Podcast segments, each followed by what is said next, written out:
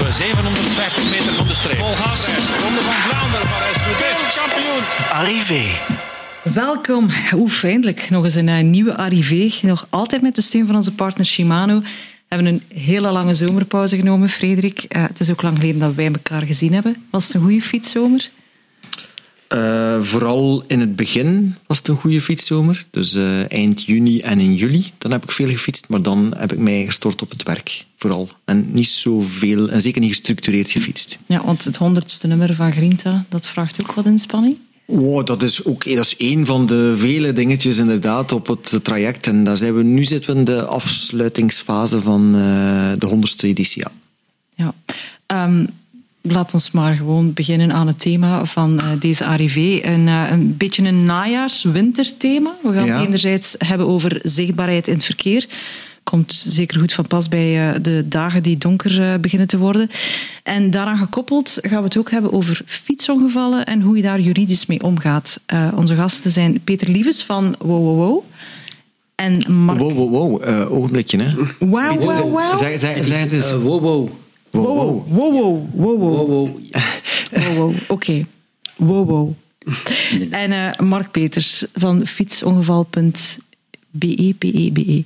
Eén keer be. Um, wie draagt er soms een reflecterend jasje op de fiets? Ik moet tijd. Ja, dat verwacht ik ja. wel natuurlijk. Maar, maar uh, moet zijn, ik, ik uh, en dat gaat Peter niet graag horen, te weinig.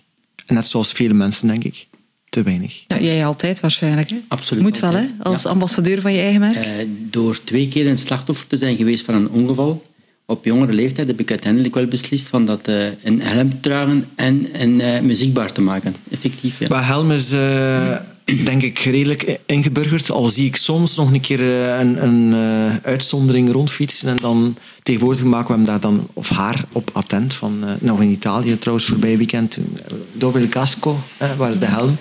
Dus dat is toch al heel goed. En zijn dat niet meestal iets oudere mensen die nog zonder helm durven te, rond te rijden? Ja, dat denk ik wel. Ja. En ook bergop zie je soms ook wel nog een keer. Hè, nee, niet de helm eraf. De helm eraf of aan het stuur. Ja. Of uh, de, de bandjes van de helm niet, niet aan. Ja. Dus niet vastgeklikt. Dat zie je ook wel af en toe nog een keer. Maar dat is meer ingeburgerd in ieder geval dan uh, wow hesje dragen. Hè. Dus uh, dat, dat, dat, is nog altijd, of een fluo hesje dragen. Zeker bij sportieve fietsers. Hè. dus dan, dat, als we de, want Grinta richt zich toch voornamelijk mm-hmm. op sportieve fietsers. Um, en daar zie je toch nog wel een, een, grote stap die moet genomen worden. Ik denk bij computers dat, daar, dat het daar wel uh, goed snor zit. Omdat, ja, het kan bijna niet anders. Hè. Dus dat moet een gek zijn ja. om bijna geen te dragen, eerlijk gezegd. Maar met sportieve fietsers is er nog werk aan. Ja, nogthans, het is mij deze zomer ook opgevallen dat meer en meer mensen zelfs op zomerse dagen met een achterlicht op een koersfiets rondrijden. Dat klopt ook meer en meer van die, ja. van die ja. slimme achterlichten, hè, die dan opflitsen als je remt of, of stopt. Dat is een uh, traditie uit, uh, uit Spanje eigenlijk. Hè? Ja, Spanjaarden zijn, zijn daarmee ja. begonnen uh, op het moment dat zij zeggen kijk, het zonlicht staat daar. Voor de automobilist is het veel beter dat er een, een spotlight komt. En dan hebben wij ook een, een, een mikpunt, bij wijze van En dat heeft zich meer en meer ingeburgerd hier ook. Je ziet dat. Langs de jaagpaden, niet alleen s'avonds, maar ook in de dag. Ja, als je Gran Fondos gaat rijden, vragen ze het ook vaak. Hè? Als ja. je dan de tunnels induikt, dat je op zijn minst wel ja. lichtjes... Vroeger kreeg je zelf bij de Marmot, als ik me niet vergis, zo'n lichtje... Van die, van die wegwerpen. Een lichtje, ja, zo van die uh, ja, kleine lichtjes erbij. Dat natuurlijk de helft van de deelnemers werd beboet door de gendarmerie wanneer dat ze uit de, de tunnels ja, kwamen. klopt. Hoezo? Omwille het feit dat ze geen verlichting ja, hadden. Ah, ja, juist. okay, en daardoor hadden ze dat uh, mee in de Marmot heeft dat dan een beetje... ja. Maar dat we veiligheid als fietser voor een deel zelf in handen hebben, dat is wel stilaan Absoluut. toch een deel van het collectief bewustzijn aan het worden. Denk dat een van, ja, een van onze slogan is, eh, slogans is zichtbaarheid begint bij jezelf. Ik zeg altijd, we kunnen wel kritiek geven op de, op de omgeving rondom ons, maar uiteindelijk maak jezelf zichtbaar. Is volgens mij een van de basis, eh, basisbegrippen bij fietsen. Maar zichtbaarheid is denk ik één element qua veiligheid voor fietsers. Ja. Maar er zijn nog elementen natuurlijk. Hè. Ja, uh, het meubilair, ja. straatmeubilair. En dan spreek je nog niet over de koersen natuurlijk. Hè. Dat is ook nog een apart verhaal. Maar ook voor... voor uh, en fietspaden natuurlijk, kwaliteit van de fietspaden. Infrastructuur. Infrastructuur in het algemeen. Uw uh, technische vereisten van uw fiets heeft ook een impact op, op fietsongevallen uiteraard. Hè. Er zijn vier technische vereisten in de wet vermeld. De bel, remmen, goed werkende remmen, de verlichting en dan de reflectoren. En dat kan een invloed hebben op, uh, op een ongeval. Mm ja. Want ik, ik heb het eens opge opgezocht op jouw eh, website fietsongeval.be. Die dingen staan er ook mm opgelijst. Ik denk dat heel veel mensen niet weten dat je op een racefiets en op een mountainbike verplicht bent om een bel te hebben. Nu lijkt het zo wat facultatief voor heel wat fietsers. Uh, verplicht op het moment dat uh, de donkere valt. En wanneer het inderdaad licht gaat worden. Dus eigenlijk bij valavond tot zonsopgang is het verplicht. En ook bij een zichtbaarheid minder dan uh, 200 meter bij mist, dan is het verplicht. Ja. Anders mag je die bel gewoon... maar ik heb hem altijd bij. Waarom? Omdat de bel eigenlijk uh, voor alle fietsers, of dat nu recreatieve fietsers zijn, profs, kinderen, is eigenlijk ons, ons signaal om te zeggen, we gaan inhalen of er is een gevaar. Als ik als fietser en ik zie een voetganger via het fietspad naar zijn auto wandelen, dan moet ik daar een attentie aan geven met mijn bel. Dat is het noodsignaal. Wanneer ik eigenlijk fietsers wil inhalen die te veel de weg inpalmen, is het eigenlijk mijn bedoeling om voorafgaand te bellen, om te zeggen, kijk, ik kom eraan, ik ga inhalen. Dat inhalen wordt dan ook wel eens slecht geïnterpreteerd door de voorgangers van... Ja, meneer... Ik zat met te denken de verwijten die je dan dikwijls ja, krijgt, zelfs als je belt. Ik stel me gewoon de vraag of dat de kwaliteit van de meeste fietsbellen op de markt voldoende is om harder te bellen dan het omgevingsgeluid. Ik heb bijvoorbeeld een fietsbel ik denk van een vrij goede kwaliteit. Alleen wordt dat niet gehoord door een automobilist die in de wagen zit. Rond mij, ah, ja, ja, automobilisten, maar fietsers rijden ook vaak rond met oortjes, hè? of wandelaars. Ja. Ja. Ja. maar zelfs nog met een klakson is denk ik de oorzaak van vele van, van, ongevallen soms. Hè. Ja. Ja, een fietsbel kan niks doen tegen een automobilist. Nee, nee, nee, Dat, dat, dat, dat, dat staat buiten Maar het gaat meer richting andere zwakke weggebruikers, andere fietsers en, andere, en wandelaars. Mm -hmm. Daar kan een bel wel... Uh, en zeker tegenwoordig zijn er... Maar de bel moet maar hoorbaar zijn tot op 20 meter. Oké, okay, maar, maar, maar een automobilist, dat is, vergeet dat. Hè. Dat is dan mhm. natuurlijk niet dat lukt niet. Maar, uh, en tegenwoordig zijn er ook wel uh, interessante gadgets waardoor dat die bel ook een beetje weggewerkt is. Zeker ook voor sportieve ja. fietsers. Ja, zelfs Hide My Bell. Ja, en, en uh, bij Canyon van de week nog gezien dat er zo'n ingewerkt belletje op het einde van, van het stuur zat. Ja, ja. En, en ook, en, en niet, trouwens ook, tegenwoordig zie je ook ingewerkt ehm, verlichting in, waar je, ja, waar je Garmin of navigatie die, die dus het wordt allemaal wel een beetje netter of mooier weggewerkt, waardoor het uh, ook voor de... Fashionable. Ja, ook voor de fashionistas ook een beetje aanvaardbaar wordt. Terwijl het eigenlijk... Ah, maar over die retro-reflecterende kledij, inderdaad, bij, bij wielertoeristen en zo moeten we inderdaad die stap nog zetten. Maar het is vooral woon-werkverkeer, daar zien we het, vooral in Antwerpen dan. Ja. Dat is zeer goed ingeburgerd. Ik denk dat we effectief... Zeer goed, hè? Ja. Ik denk dat we effectief allemaal kunnen vaststellen, iemand die zich zichtbaar maakt, of die fluo draagt, valt wel beter op dan iemand die niet zichtbaar is. Ja. Dus uiteindelijk... Dan iemand die niet fluo draagt. Ja, ja, klopt. Maar het, wat we ook willen vaststellen is, die achterlichten die zijn wel goed, maar 54% van de fietsers wordt aangereden van opzij. We hebben wel een voorlicht en een achterlicht, maar de zijdelingse uh, zichtbaarheid is meestal, er leidt tot nul. En daarbij kan echt fluo reflecterende kleding wel helpen. Ja. Dat is iets die we wel vaak zien. Ja, er zijn die wel al een, een hoek van ja, bijna ja, 300 graden, maar ja, dan... ja, maar reflectoren die zitten niet op een koersfiets natuurlijk. Nee. Hè? nee. Nee, die zitten niet op de koersfiets, nee. Dus dan, zit, dan moet je inderdaad kijken naar dat soort, uh, naar die fluo-hesjes. Uh, maar ik herinner me, omdat we net, je sprak net van sportieve fietsen, dat daar nog een stap, is, uh, een stap moet gezet worden. Ik herinner me, maar ik ben niet zeker omdat het nog in het gamma zit van wow, wow. Racefish ja. was toch tot voor kort of nog altijd, nog altijd, nog altijd ja. uh, jouw antwoord op uh, de sportieve fietser. Ja, ab absoluut. Inderdaad. Racefiets is eigenlijk een submerk van het merk Wowo. Dus we hebben uh, zevental jaar geleden beslist om ons merk, om, om het bedrijf op te splitsen in twee verschillende merken. Enerzijds Wowo, die zich richt tot de commuter, de urban fietser en de kindjes. En daarnaast hebben we een merk, op, merk opgestart, Racefiets, met hetzelfde DNA, waar dat we ons vooral focussen op de sportieve fietser. Omdat we vooral voelden dat, ondertussen is dat verdwenen, maar dat vooral het imago eh, heel belangrijk is bij een sportieve fietser. Een, urban fietser is dat best oké om gelijk welk merk te dragen, maar bij een racefietser stellen we wel vast dat iedereen voorkeur heeft aan een bepaald merk. En daarom hebben we en niet... wat is daar anders aan dan? Uh, de snit van het product is volledig anders. Wat smaller? Ja, het, het heeft veel meer fashion accenten dan een normale jasken, maar de functionaliteit is ook heel belangrijk. Ja. Ademende eigenschappen, waterdichte eigenschappen is bijvoorbeeld iets waar dat we heel sterk op spelen. Uh, uh, bij racevis en minder bij, onze, bij het merk Wowo. Ja. Ja, ik herinner mij, ja, ik, excuseer dat ik u wil oh, nee, maar ik herinner mij dat ik samen met Heidi van de Vijver, die toen voor jou de ambassadeur was om die racefiets uh, bij de klopt. potentiële klanten aan te nemen. Ik heb met haar trouwens nog zo'n infosessie gedaan. En ze heeft dat dan ook geïntroduceerd bij jou. En dat was eigenlijk heel succesvol. Nog, We zijn op dat moment beginnen uh, wielertouristenclubs aanspreken. En die waren echt heel open en heel positief over het racefietsverhaal. Alleen is het heel uh, arbeidsintensief om die clubs individueel te gaan te gaan, te gaan bezoeken en beleven. Maar ik kan me inbeelden, want je bent in je eentje 15 jaar geleden met uh, Bijna 20. 20 al Bijna 20, ja. Uh, dat, dat, dat imago toen helemaal nog... Uh... Iedereen verklaarde me toen zot. Ah ja, ik kan me inbeelden. Nu half zot. Ja. en waarom? Waarom beginnen met Waarom? Omdat in 2004 uh, fluo op straat was helemaal, bestond niet. 2004 zagen we helemaal niet in straatbeeld. En iedereen dacht van ja, fluo werd gelinkt aan eh, werkmanskleding of kleding voor op, uh, op professioneel uh, doelijn. En niemand gaat ooit fluo dragen. Maar twintig jaar later hebben we wel, is het eigenlijk algemeen aanvaard. En voelen we wel dat de doelgroep, ik zal maar zeggen, verbetert en, en, en groter en groter wordt.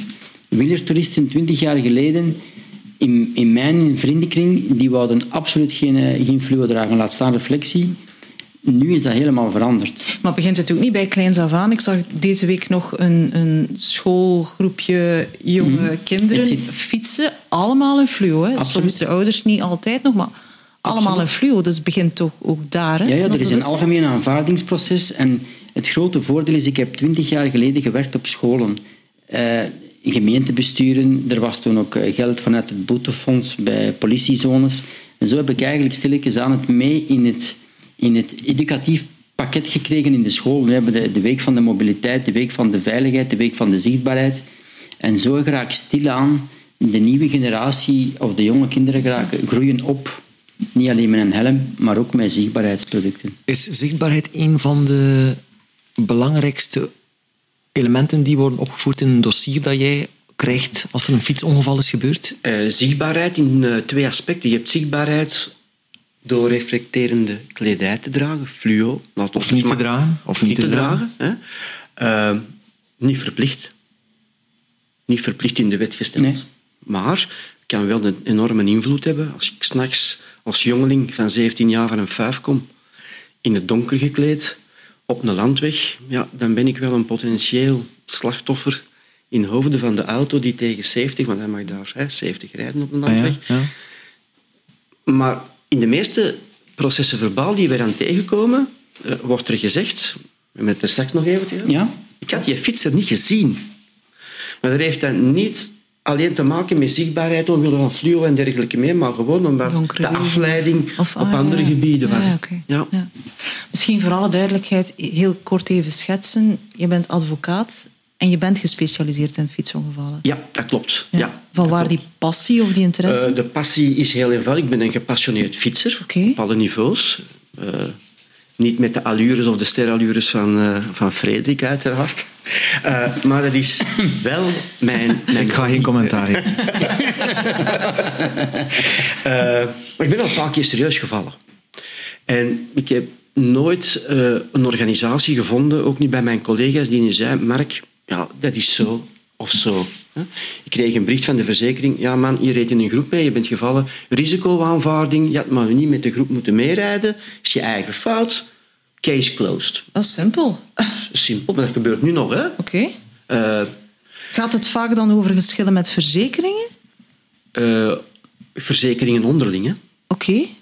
Uh, want er wordt verondersteld dat de fietsers toch een verzekering hebben langs elk hun zijde en dan de meest, uh, laten we zeggen, de, de meest uh, to-the-point verzekering is de familiale verzekering. Waarom? Omdat die eigenlijk het heft in handen neemt wanneer er iets gebeurt. Want Heb ik ging je geen altijd... familiale verzekering dan? Ik ging er altijd vanuit, en dat is mij ook al een paar keer verteld, dat je als zwakke weggebruiker, hoe dan ook, of dat je nu in schuld, schuld bent of niet, altijd vergoed zal worden. Is dat niet zo? Ik dacht net hetzelfde. Ik heb het trouwens ja? ook daar juist nog de vraag gesteld. Ja, je, hebt, uh, je bent als zwakke weggebruiker uh, en je komt in aanrijding op de openbare weg met een gemotoriseerd voertuig. Dat kan een motor zijn, dat kan een auto zijn, dat kan een tractor zijn, dat kan een autobus zijn. Ongeacht de fout in hoofden van de fietser. Stel je voor, de fietser geeft geen voorrang van rechts aan die auto. De auto heeft voorrang van rechts. Dan is de fietser in fout. Algemeen principe dat degene die voorrang van rechts heeft, in het gelijk is. Dus Alleen zal... Ja? Dus eigenlijk moet de fietser ook de wegcode volgen. Uiteraard. Van van rechts. Alleen zal bij een aanrijding de fietser automatisch vergoed worden door de verzekering van de auto. Toch? Met betrekking tot zijn kledijschade en alle schade voortvloeiend uit zijn lichamelijke letsels. Ah ja, dus niet fiets en, en dat soort Maar als die fietser een auto raakt, natuurlijk, en die auto is serieus bekrast en er zijn daar deuken, en er is daar een carrosserievergoeding van 6.000, 7.000 euro, dan zal de fietser zelf moeten opdraaien voor het, voor het feit dat hij die voorrang van rechts niet heeft gegeven. Hm. En met de familiale verzekering wordt dat opgevangen, zoals een gewone BA-verzekering bij de, bij de auto. Die gaat het heft in handen nemen en gaat die tegenpartij vergoeden.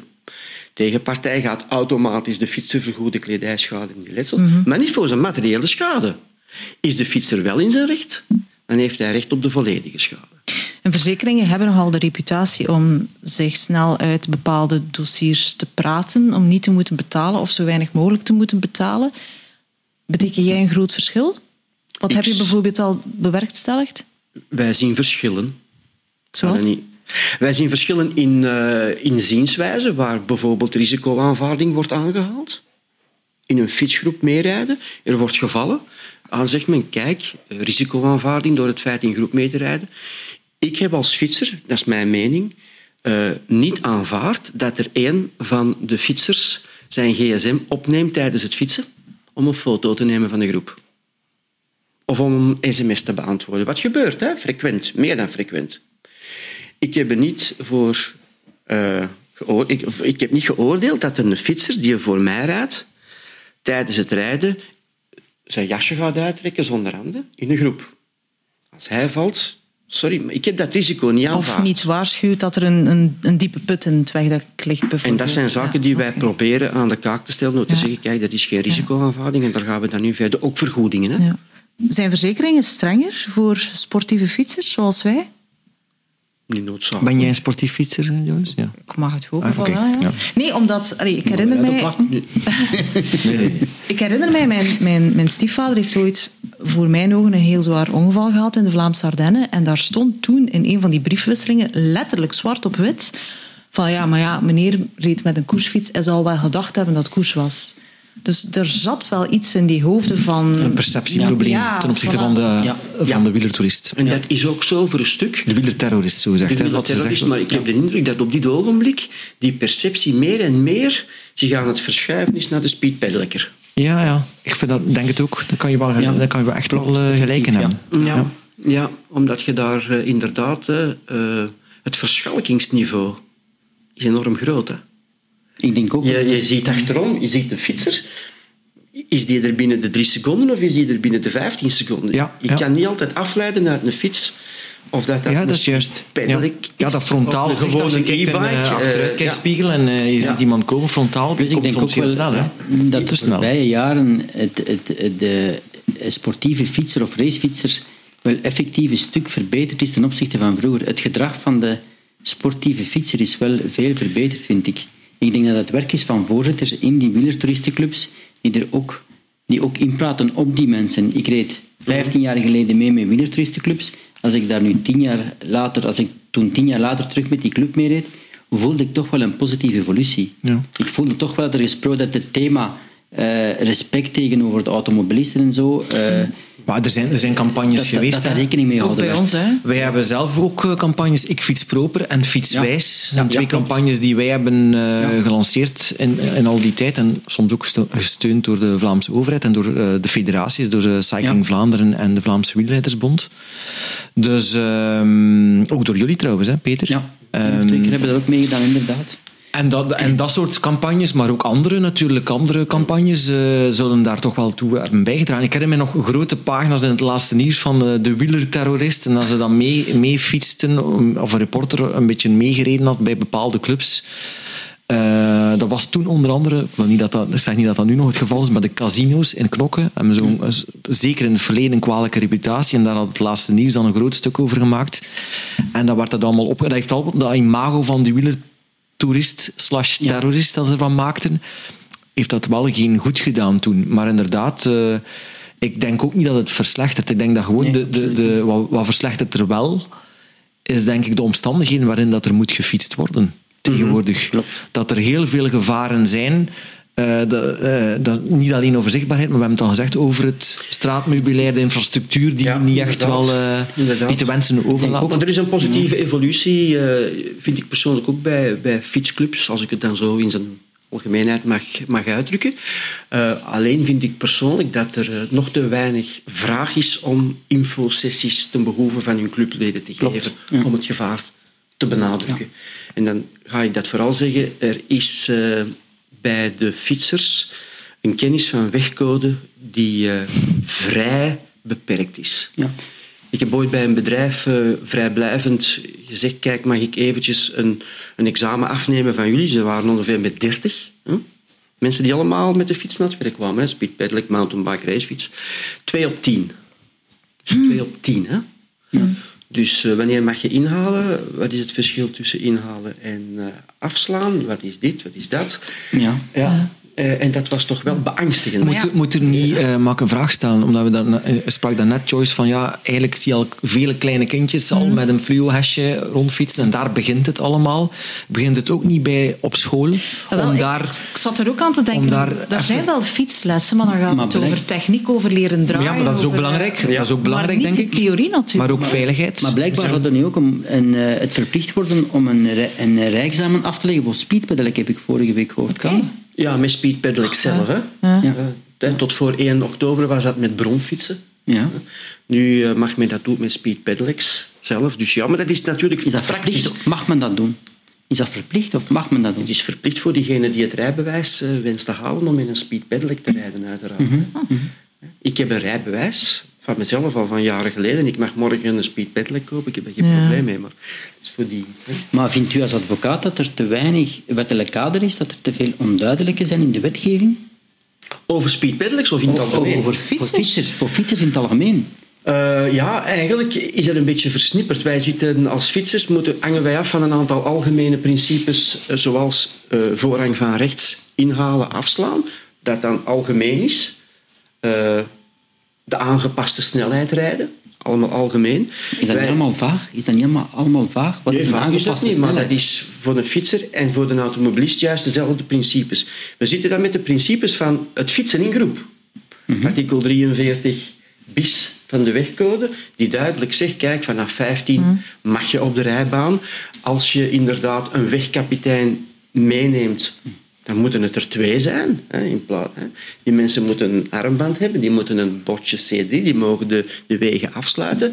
Vanaf zoveel is het verplicht om ze wel te hebben, vanaf zoveel met een volgwagen. Dus dat ligt een beetje versnipperd. Ook ten overstaan, fietsers ten overstaan van voetgangers. Moeten we weer wat terug in die wegcode gaan. Mm. Ja. We, hebben, dus... we hebben in de vorige grind ook de regels rond eh, fietsen in groep nog eens opgelijst. Ik, voor mij was dat ook weer... Ja, ik, ik heb dat ooit gelezen, maar dat mm. blijft precies niet plakken. Maar Nee. Ik denk dat behalve fietsers ook automobilisten die regels niet kennen. Want zelfs als je in groep rijdt en de regels volgt, ja, zijn automobilisten gewoon laaiend. Hè, van, ja, oh, iedereen, ik denk dat iedereen. hè, maar van, wat zit hier op de weg je krijgt wel vaak reactie.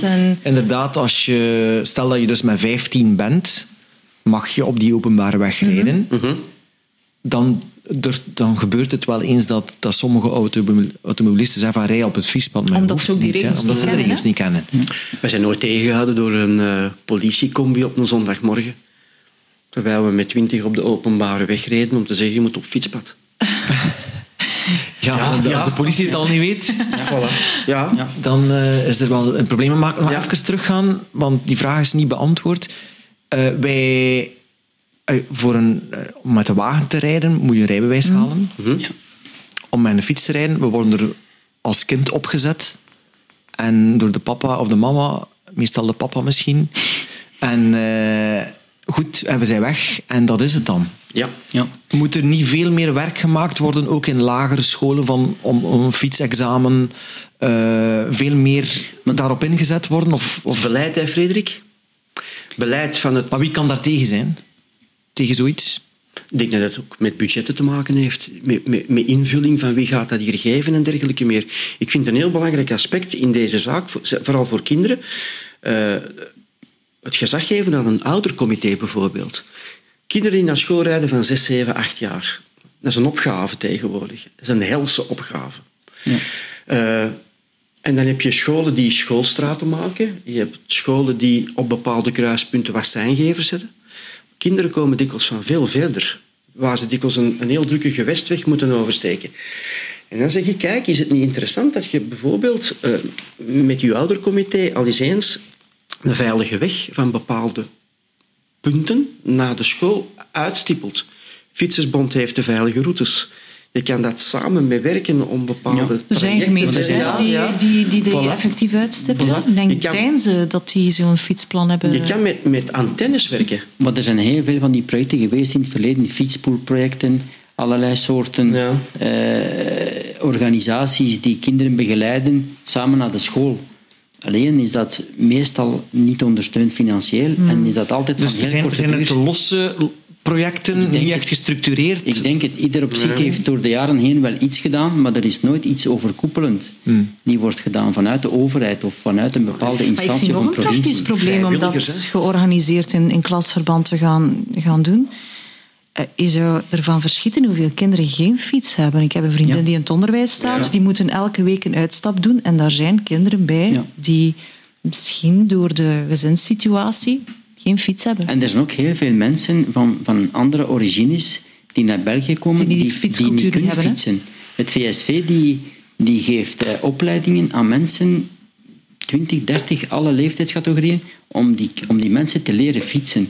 En dat is een groot risico, want het, het, het, het, risico op ongevallen is daar echt wel veel groter dan bij de, bij de kinderen die leren fietsen, van, van kinds af aan. Ja, het VSV heeft ook speciaal voor scholen een heel takenpakket ook uitgewerkt. We werken er ook mee speciaal samen, opgeleid personeel die naar die scholen gaan om het mm. een en het ander. Maar het moet constant heropgefrist worden. Het moet constant bezig blijven.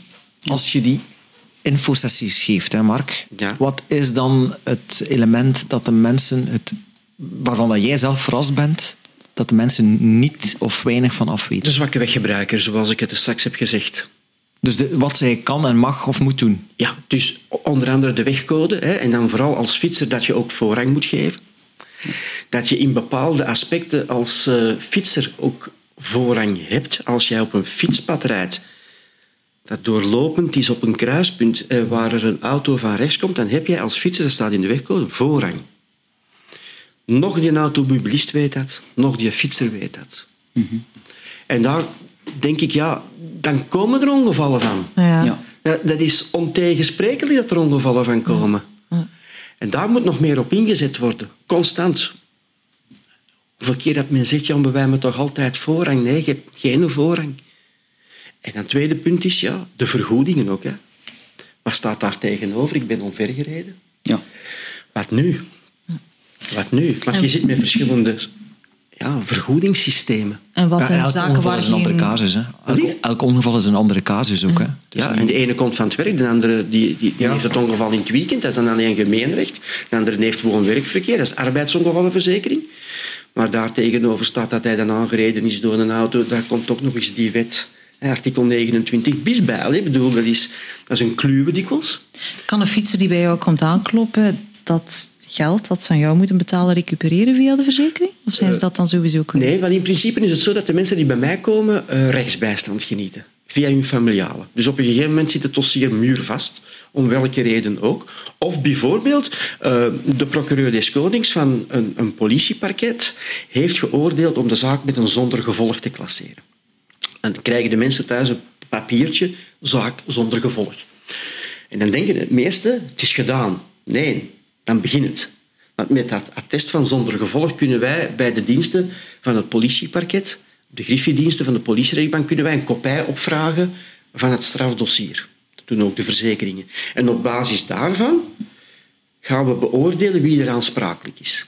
En dat kadert voor een groot stuk, als men daar spaak zit, dan wordt het dossier overgemaakt, vrije keuze aan de advocaat die de persoon kiest. Dat kan iemand zijn die naast de deur woont, iemand vanuit de gemeente. Uh, en dan krijgen wij het dossier en dan worden wij betaald door de verzekering. Dat is ook, zou het principe moeten zijn dat eigenlijk die iemand die slachtoffer is, toch niet nog zijn advocaat bijkomstig zou moeten betalen.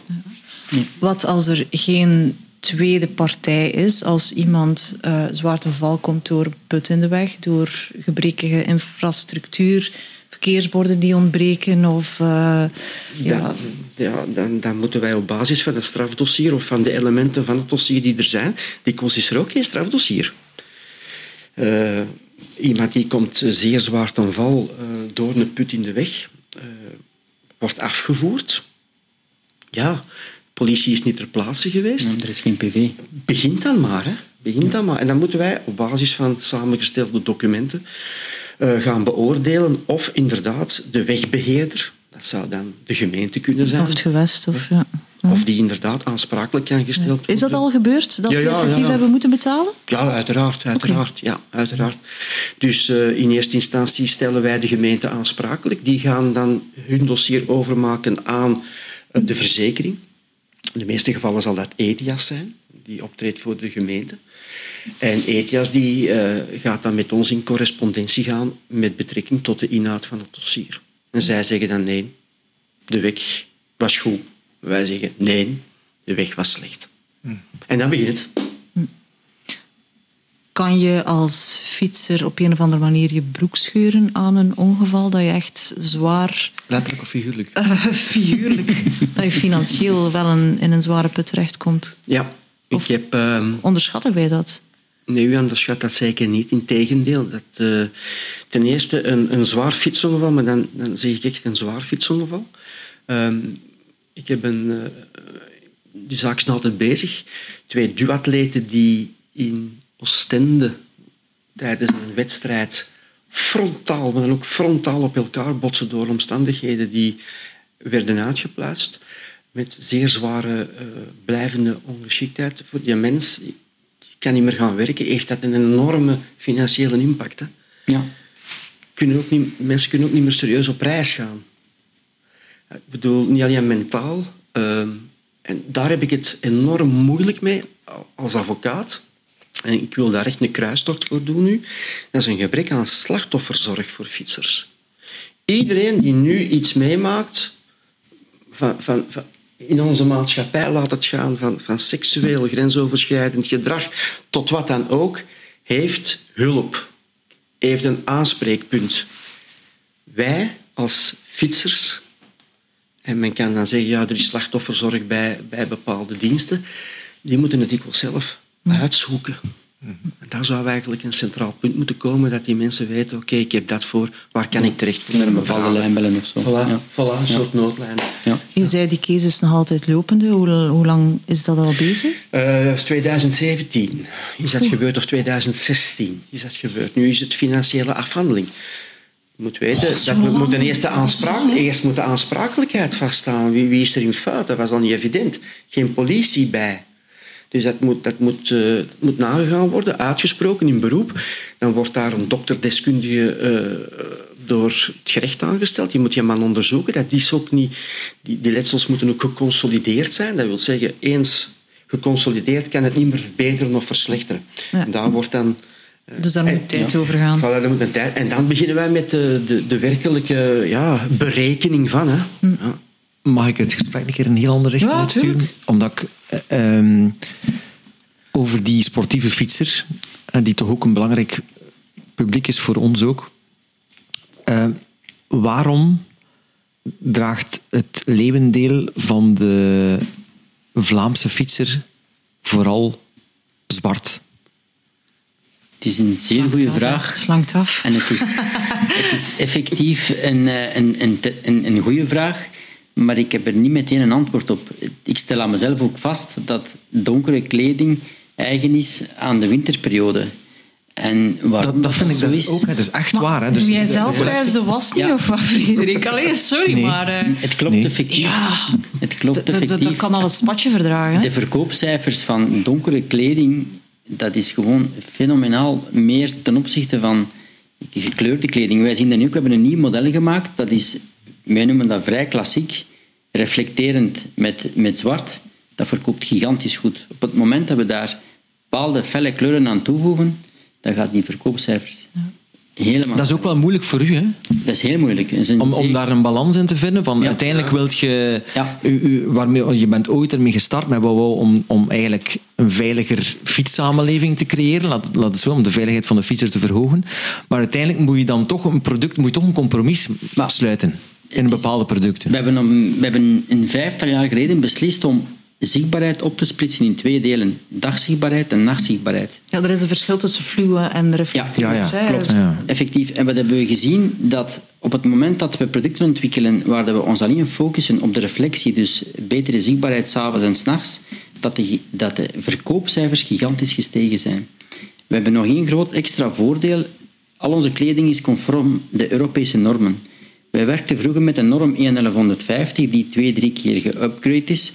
Maar ondertussen is er sinds twee jaar een nieuwe norm, de 17353. En wat wil dat zeggen? Dat is een, een, een norm die eigen, iedereen die um, producten verkoopt, waarvan dat ze verklaren dat ze de zichtbaarheid verhogen, zijn verplicht die norm te volgen. Iets die ook dus niemand... goed getest bedoel je dan? Absoluut. Of, uh, de grondstoffen worden getest en het eindproduct wordt getest.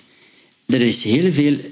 Op dit moment is er heel veel vals gevoel van veiligheid. Iemand laat een fietstrui maken met fluo kleurtjes erin ze zeggen ja, en nu zijn we beter zichtbaar. Helemaal niet. Er zijn inderdaad wel heel veel fietsmerken, allez, fietskledij, Die, die strips uh, in de Gesublimeerde fluo kleur is geen zichtbaarheid. Dat is een, ik noem dat een fashion aspect, maar dat staat niet voor zichtbaarheid.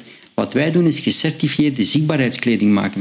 We hebben daar dus niet elk fluo, zeg niet zomaar fluo tegen elk fluo? Absoluut niet als u gaat kijken in het label... Niet elk fluo is veilig fluo. Dus nee, ja. klopt. Effectief. En waar zie je dat dan? Op het verkoopsetiket? Dat, dat staat, in het, dat? staat, wij zijn als fabrikant verplicht om dat in het label uh, in het etiket te zetten van het product. En zeg nog eens, hoe heet het? Dat is de norm 17353. En dat moet er uitdrukkelijk op vermeld staan? Dat moet er op vermeld staan. Behalve, er is ook nog... Een, we zitten in een overgangsperiode en de norm 1150 zal nog blijven bestaan tot, ik denk, 2028. Afhankelijk van wanneer dat u het product laten certificeren hebt. Maar uiteindelijk is het grote voordeel dat we nu een norm hebben gekregen, waardoor dat we in staat zijn om producten te maken conform dagzichtbaarheid of nachtzichtbaarheid. En daarbovenop komt dan, de, wij noemen dat combined of de gecombineerde.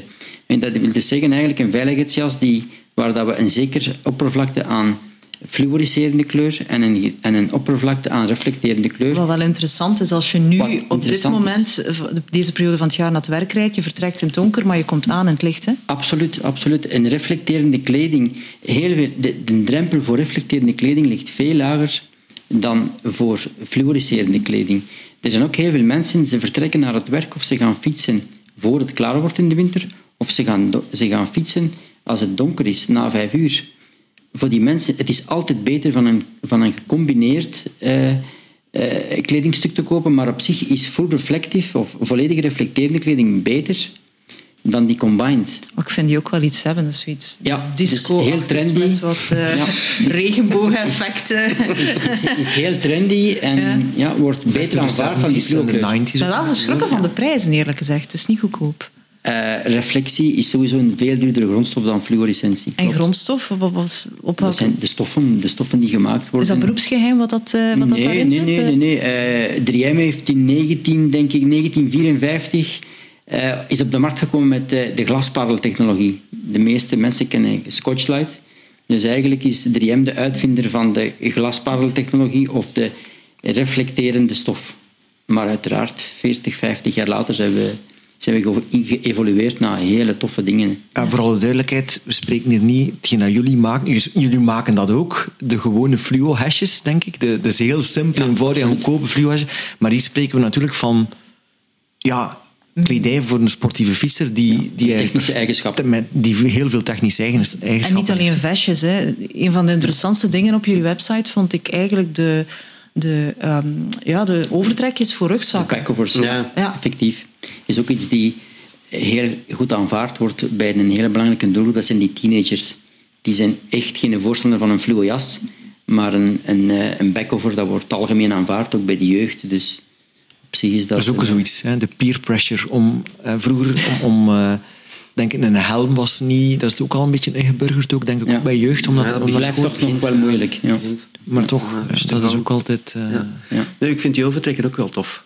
En waarom? Uh, iedereen krijgt als jongeling op school zo'n zo vestje. En hij moet daar een rugzak op. Waardoor dat het... Uh, dat je het fashion ook niet meer ziet. Twintig jaar geleden alleen begonnen. Hoe groot zijn jullie momenteel? Uh, momenteel zijn we actief in twaalf landen. Uh, we zijn met in totaal vijftiental mensen ja, binnen de organisatie. Dus, en, een nieuw, en een nieuw hoofdkwartier, hè? Nieuw, ja. Allee, toch vrij recent, toch? Hè? 2021 hebben we geïnvesteerd in de industriezone en hebben effectief 1400 vierkante meter magazijn. Waar? Met 300 in Aalst. Oké. Okay. Ja, met 300 meter, Olst. vierkante meter kantoren. In Olst. Ja. ja. Lopen ze intussen op als carnaval ook al in het fluo rond dan? Oh, maar dat doen ze al lang, hè. ja. Kan je de zatlappen makkelijker oprapen, hè, ja. in het donker. Zit er nog veel, Mark, uh, hiaat in de wetgeving voor de commuter, voor de, voor de speedpedelec, sorry? Ja, er is natuurlijk een, de blijvende discussie de plaats op de weg. Plaats op de rijbaan. Ah, ja, ja, Klopt. Nu is dat het moment dat... Omdat ze, de, ze hebben die nummerplaat, hè? De snel, ja, daar waar de snelheid beperkt is tot 50 uh, per uur, mogen zij dus uh, kiezen. Ah, mogen ze kiezen. Ah, ja. Daar waar de snelheid niet. hoger hè, is. Ze moeten niet. Nee, ze moeten niet daar of daar rijden. Nee, nee, als de snelheid beperkt is tot 50, uh, mogen, zij, mogen ze kiezen. Daar waar de snelheid beperkt, of toegelaten snelheid hoger is dan 50 km per uur, ja. moeten ze op het fietspad. Ik denk dat dat ook ah. totaal onduidelijk is Man. voor de meeste automobilisten. Okay. Ik wist dus, dat zelf uh, niet. Ja. ja. Dus dat, ja, en Want dat, ik dacht, dat jachtpaden waren, zal, mogen ze in principe ook al niet Als er een P staat, maar mogen ze daar 40 per uur rijden? Nee, op een jachtpad mag maar 30 ah, ja. per uur gereden worden. Oei. Ja, ja. Dus er staan ook geen verkeersborden. Er is een... Oei. Maar lief? Moeten we ook geen verkeersborden. Ja, er staan natuurlijk, als je op een jachtpad rijdt, staat daar uh, toegelaten, ik ken het niet van buiten, vergunningen ja. en dan A, waarom fietsen? A, P. Als er P bij staat, dan mag je een speedpad lekker op. Hm? Dus, uh, maar hij mag maar 30 per uur rijden, hè. denk eraan. Hè. Want op een jaagpad... Dat, wordt, dat gebeurt Of als hij fluo draagt, nee, 40. gebeurt bijna oh, Een of andere app die dat duidelijk maakt. Maar, eigenlijk, maar eerlijk gezegd, dat gebeurt niet. Maar ook wil ook zijn... Eigenlijk, jaagpaden zijn dan toch nog een van de meest veilige ja. plekken om ook snelheid en meters te maken. Zeker woonwerk, Als hè? woonwerk bedoel ik dan, hè? Ja. Jaagpa, jaagpad, maar ik zeg niet in het weekend, hè, als er veel Nee, nee, wandelaars nee, nee, zijn. Maar oké, je hebt de bepaalde fietssnelwegen, jaagpaden zijn toch ook nog... Je, gaat toch Maar de weinig... jaagpad, de jaagpaden zijn momenteel toch veel te klein. Bij ons in de buurt van Aalst en Oost-Vlaanderen... dat- Ja, dat is wel maar ja, waar. is een dender, een eh, kan je dat niet doen. Dat kan je inderdaad. Als we hier kijken in Oudenaarde bijvoorbeeld, dat, dat heb je toch wel voldoende. Heb Ja, en zeker morgens om jaagpaden. 7, 8 Ja. uur, dan ga je daar Ja. toch ook al niet te veel hobbyfietsers tegenkomen. Hè? Ja, Dus- daar heb je inderdaad. Plus dat men die jaagpaden ook uh, voor een stuk heeft geïntegreerd in het fietssnelwegennetwerk. Ja. Wat natuurlijk ook de perceptie bij die speedpeddelen creëert. Oh, ik zit hier op een fietssnel. Ja, ja, je, dat is toch... Ja, Het woord zegt het al zelf. Hè. In Nederland is dat anders. Dat is een doorrijroute, noemt men dat. Een beetje beter, een beetje subtieler gekozen. Hè. Maar fietssnelweg, ah ja, ik kan gaan. Ja, en ik kan u verzekeren, ik denk dat er op een jaagpad niet veel speedpeddlers zijn die zich houden aan de 30 kilometer Nee. per Klopt. Nee. Maar ook weinig getrainde wielertoeristen, vrees ik. Ja, 30. Eh, ja. Op een jaagpad, als je wel. in groep, dan wordt Ah, ja, in groep is iets anders Ja, dan alleen. Hè. je toch wel... eh, Maar ik herinner, mij, ik, ik, ik herinner mij een voorval in, ehm in Zelzaten, waar de politie aan het controleren was. Je rijdt daar ehm, de brug af richting het centrum. En rechts is een straatje, eenrichtingsverkeer. De auto's mogen langs daar er niet in, wel tegenovergestelde richting. Er staat een bordje fietsers. En eh, de politie heeft daar een tijdje geleden staan controleren en heeft gewoon alle speedpedelecs opgeschreven. Omdat die daar in principe niet als gewone fietser in mogen. Die moeten omrijden en zijn allemaal opgeschreven geweest. Voor mij is dat dan ook weer een schemer. Zo, ja, ik denk dat we ja, ik, eh, ik, ik, heb eenzelfde zaak gepleit in, in Leuven. Ik denk in twee, drie jaar geleden. Een man kwam van zijn werk met een speed en het was al donker. Hm? Het was in de winter ook. En ehm, in plaats van, van een cirkel te maken, zei hij, oké, ik pak hier het straatje rechtdoor. Ik mag er met mijn speedpedelec wel niet door, want het is verboden. Maar ik hou mij toch aan die snelheid van 30 per uur. En hij is door een, eh, een anonieme wagen van de politie tegengehouden heeft hem dan gevraagd om zijn documenten. Hij had die documenten ook niet bij. Ik heb wel een kopietje bij, want dan steelt men dat. Nee, met het origineel enzovoort. Ja, en die man is toch veroordeeld uh, door de politierechtbank van Leuven tot een, uh, een, een, geldboete, maar ook een rijverbod.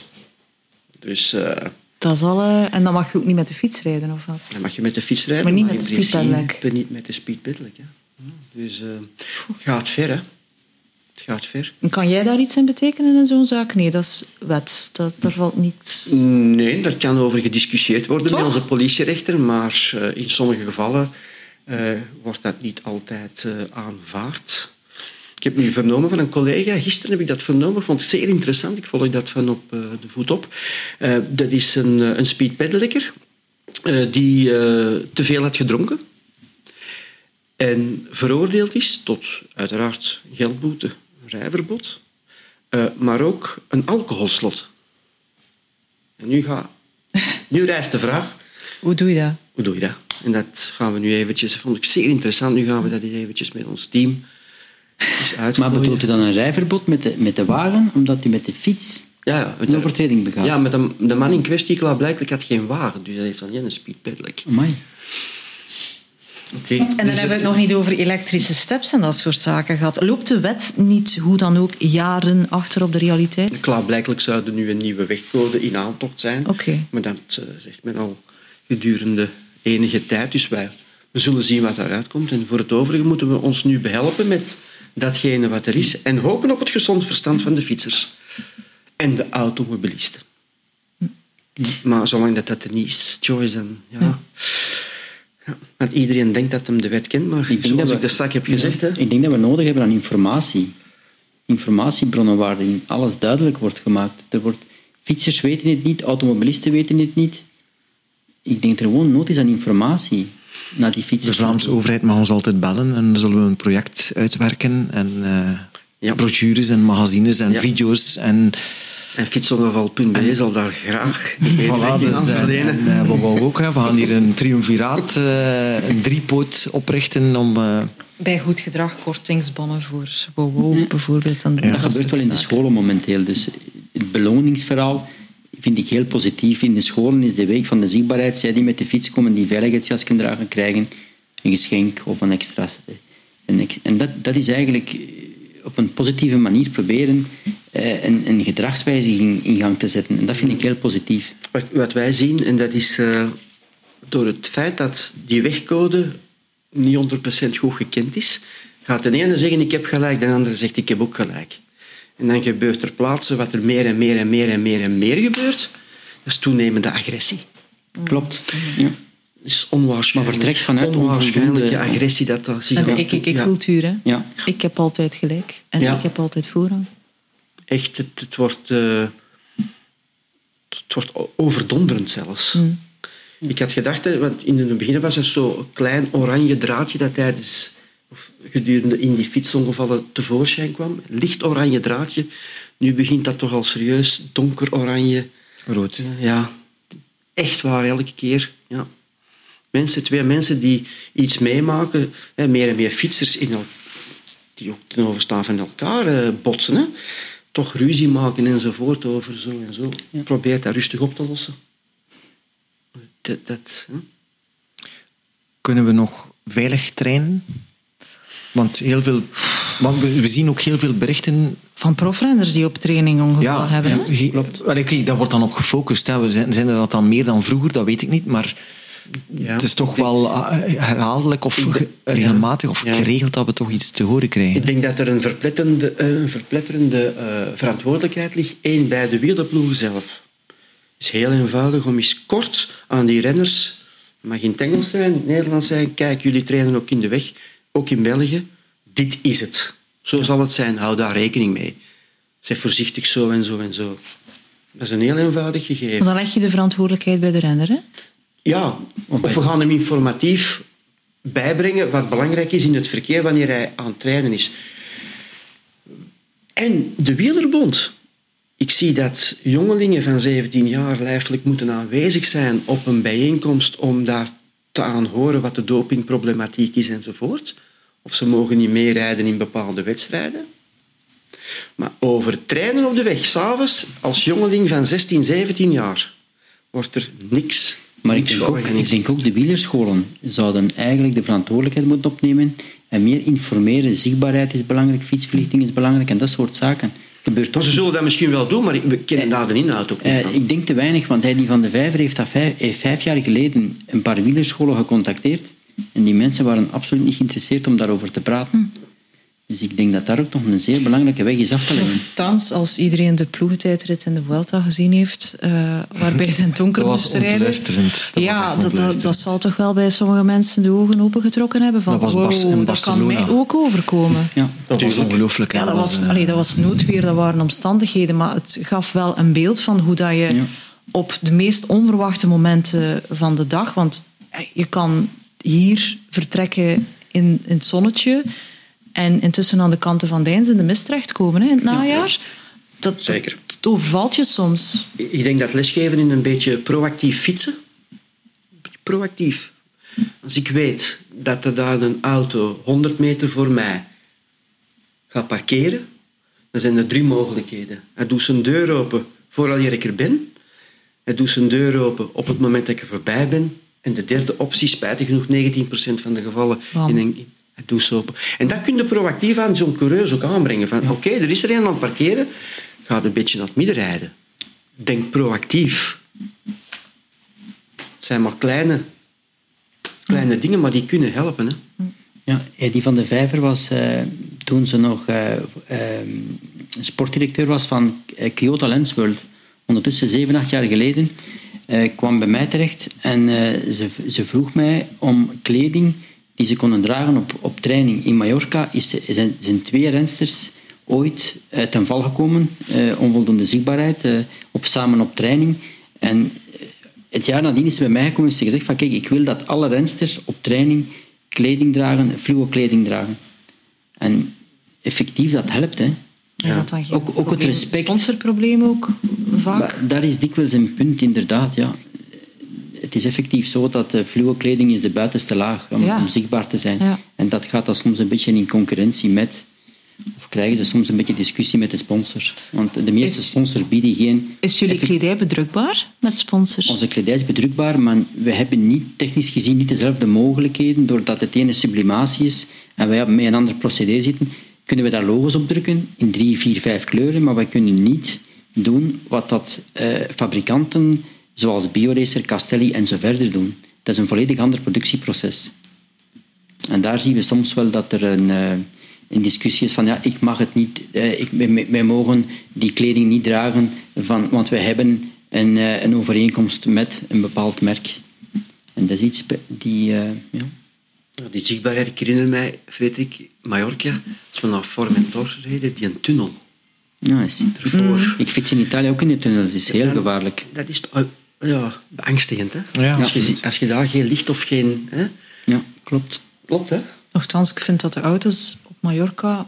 Ja, heel goed, maar die tunnel, alleen, alleen, ik spreek over die tunnel, ik vond dat ja. een beangstigend eh, gevoel dat je daarin en er is daar geen auto langs de andere kant, dat is het pikkende donker. Hè? Ja.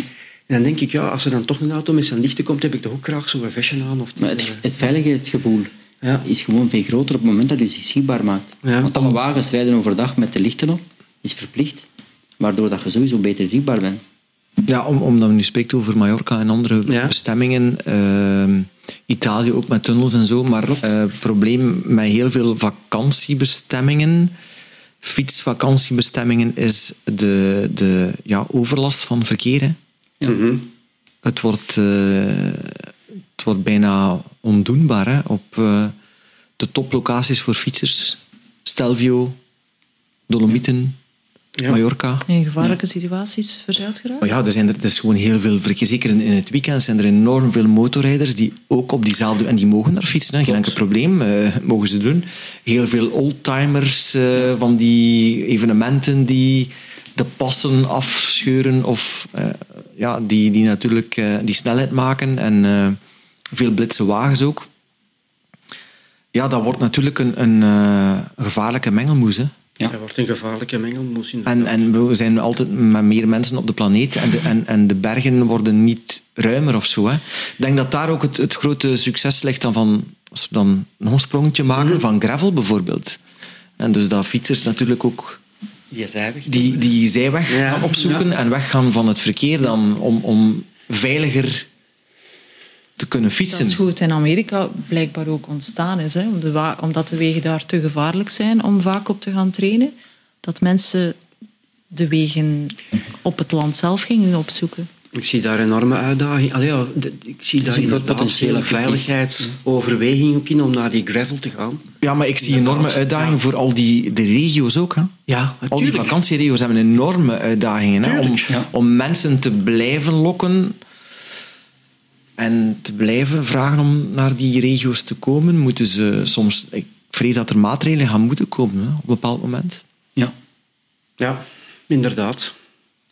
En het zal er... eh, Maar welke dan? Hè? Je kan Ja, toch maar je kan- zeggen op zaterdag verboden voor auto's. Als je daar dan als toerist net twee dagen op roadtrip bent, ja, gaat er niet Er, gelukkig er- mee er zijn. komen natuurlijk ook sommige maatregelen zijn er, allee, maatregelen eh, dat je mm, dat er bijvoorbeeld nu al verkeersvrije dagen zijn, enkel voor fietsers, meer en Ja. meer. In de bergen gebeurt dat Ah, ja? al maar Ja, vaak. ik denk dat Mont Ventoux, dat, dat er ook sprake eh, Al maar vaak, maar, maar dat is dan maar één keer per jaar, in of twee keer per jaar in een regio. Maar als elke regio dat al zou kunnen beginnen doen, dan, dan is dat zo de dag voor de fietsers. Maar dat neemt niet weg dat er dan nog altijd 363 dagen zijn. Maar nergens op wekelijkse basis, toch? Hè, voor Nee, dat, eh, denk, dat weet ik niet. Dat denk ik niet. Dat zou mij ook heel erg verbazen, moest dat, eh, moest dat het geval zijn. Ehm, dat kan een maatregel zijn en misschien dat, eh, dat er een bepaalde ja, tax of, wordt, of tol wordt gevraagd aan motorrijders op een bepaald moment. Dat zou ook wel een keer kunnen dat dat gebeurt. hè. Oké, ja, zou om, om, om ergens toch eh, het een beetje af te remmen. Hè. Ja, de Vogezen vooral.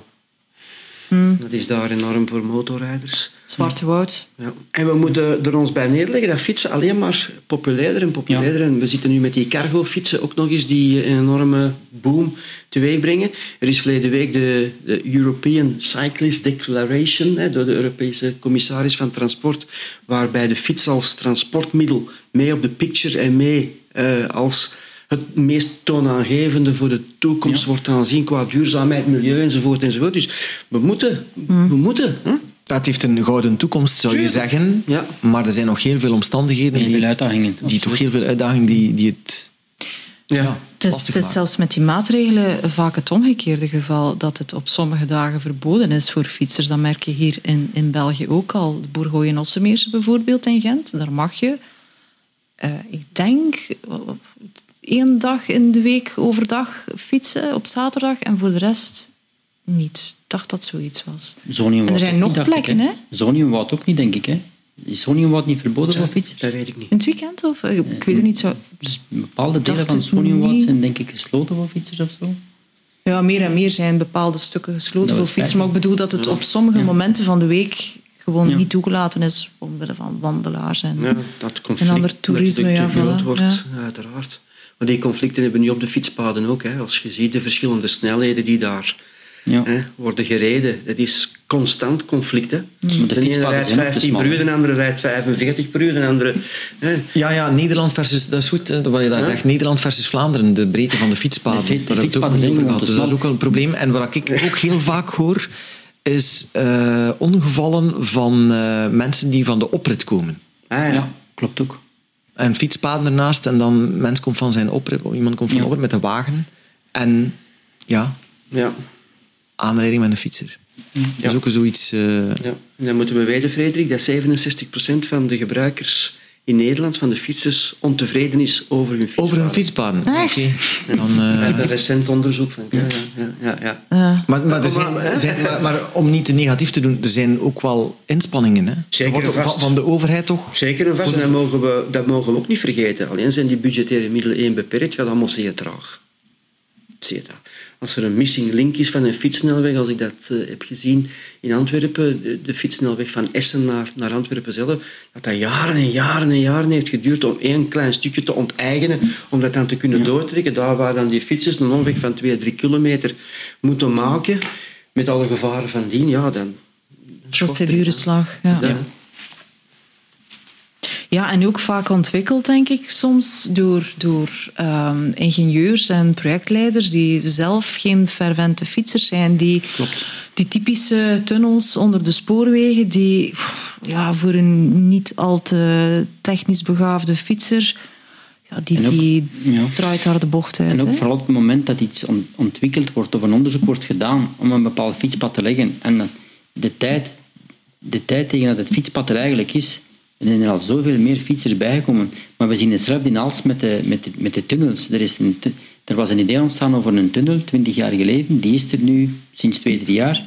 Constant sortie voor files. Maar ah. ik, zie nog, ik, zie, ik zie diezelfde situatie nog altijd bij fietspaden. Ik zie nu fietspaden aanleggen waarvan ik denk binnen vijf jaar zijn die gewoon veel te smal. Mm -hmm. Dan denk ik, denk misschien een keer tien of vijftien jaar vooruit en maak die fietspaden dan meteen iets breder. Want anders moeten we binnen vijf jaar hetzelfde werk opnieuw doen. Inderdaad. En er is maar één punt, dat is deze week tijdens een onderzoek nog eens tot, tot, tot uiting gekomen. Het telt maar één ding van een fietser. Hoe raak ik zo snel mogelijk van punt A naar punt B? Zo snel mogelijk. Zo snel, of zonder te veel te moeten stoppen. Hè? Ja. Voilà. Want het negeren van het rood licht, dat kan ook al tellen. Zie je ook vaak, zie je ook vaak terugkomen in dossiers en zo? Ja, Ja. zeer vaak. Zeer, zeer vaak. Het gebruik van de smartphone op de fiets. Waardoor dat er een afleiding is in, in het traject. Zeer vaak. Ik mag dus in principe geen foto's nemen al fietsend? Nee, Helemaal niet. Ja, daar gaat het. Oh. Dat is het, het lot, van- het lot van de influencers is bezegeld. De selfies. nee. Ja, dat is gedaan. Nee. Nee, nee. Tenzij je stilstaat of je gestationeerd bent. Mooi, dan bezondig ik mij er echt elke keer Ja. aan, denk ik. Al onze reporters van Frederik ook, Junta. ik zie het. Frederik ook, ik zie het. Al fietsend, niet zo vaak. Hè. Niet zo vaak, al fietsend niet. Ik herinner me wel in rondom Zeeland, in Zeeland toen we aan het fietsen waren.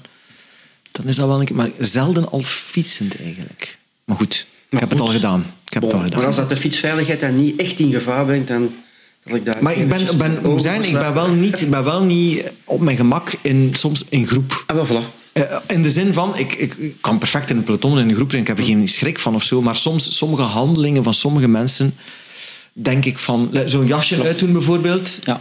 waar je aangaf zonder handen fietsen en een jasje uitdoen. Je weet nooit waar je in, in- we zijn geen profs en profs hebben nog van, kunnen soms corrigeren en soms ook helemaal niet zelfs. Maar, maar als er een, een, een, eh, een, een gaatje in de weg, en zo zijn er wel wat Ja. bij ons, eh, en, en je rijdt zonder handen op een, op een bepaald moment, als er dan iets gebeurt, Ja. een vluchtheuvel of wat dan ook, Tuurlijk. ja, dan, dan, dan kan er veel schade zijn in die groep. Hè. Ja. Allee, ik bedoel, dat, dus dan ben ik ook niet op, op mijn gemak, eerlijk gezegd. Nee, inderdaad. En eh, ik zeg er is nog veel werk om te informeren. Als, en als we nu zijn, nu staan we voor heel donkere maanden. Hè? Ja. En dus ze beginnen, ze beginnen te komen, het wordt vroeger donker en zo. Als je dan drie dingen moet zeggen wat absoluut moet gebeuren om veilig door die winter te geraken. Dan kijk ik al eerst naar Peter. Dan zie ik een goed fluo-reflecterend vestje. Zeer goede verlichting. En gewoon attent blijven. ja, ik denk vooral defensief rijden als fietser. Ik denk het ook zeer eh, gereserveerd Defensief zijn. rijden. Altijd Ja. ook contact hebben met de automobilist. Ja. En niet... Dus eh, gezond wantrouwen Ja. tegenover Ja. anderen. Ja. Want bij, natuurlijk, bij, bij donkere omstandigheden zijn ook die putten in de weg. ah ja. Ja, Voilà. niet zichtbaar. En dan moet de, de verlichting moet dan ook goed op punt zijn Ja. en ver genoeg. hè, krachtig. Licht. Eh, ook misschien altijd hetzelfde traject naar huis nemen.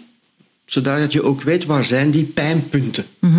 dan weet je dat. Wat ik ook vaststel is dat op piekuren het, het heel gevaarlijk is voor fietsers. Soms kom ik eh, van kantoor en ga ik snel om vijf uur in de spits fietsen. Dat is super gevaarlijk. Als, we, als ik twee uur later vertrek, zeven uur, de meeste mensen zijn thuis, de druk is van de ketel en dan is het veel, veel beter fietsen en veel veiliger fietsen dan in het spitsuur. Ik zie dat heel regelmatig. Iedereen moet altijd ergens op tijd zijn. Dat zorgt voor heel veel stress.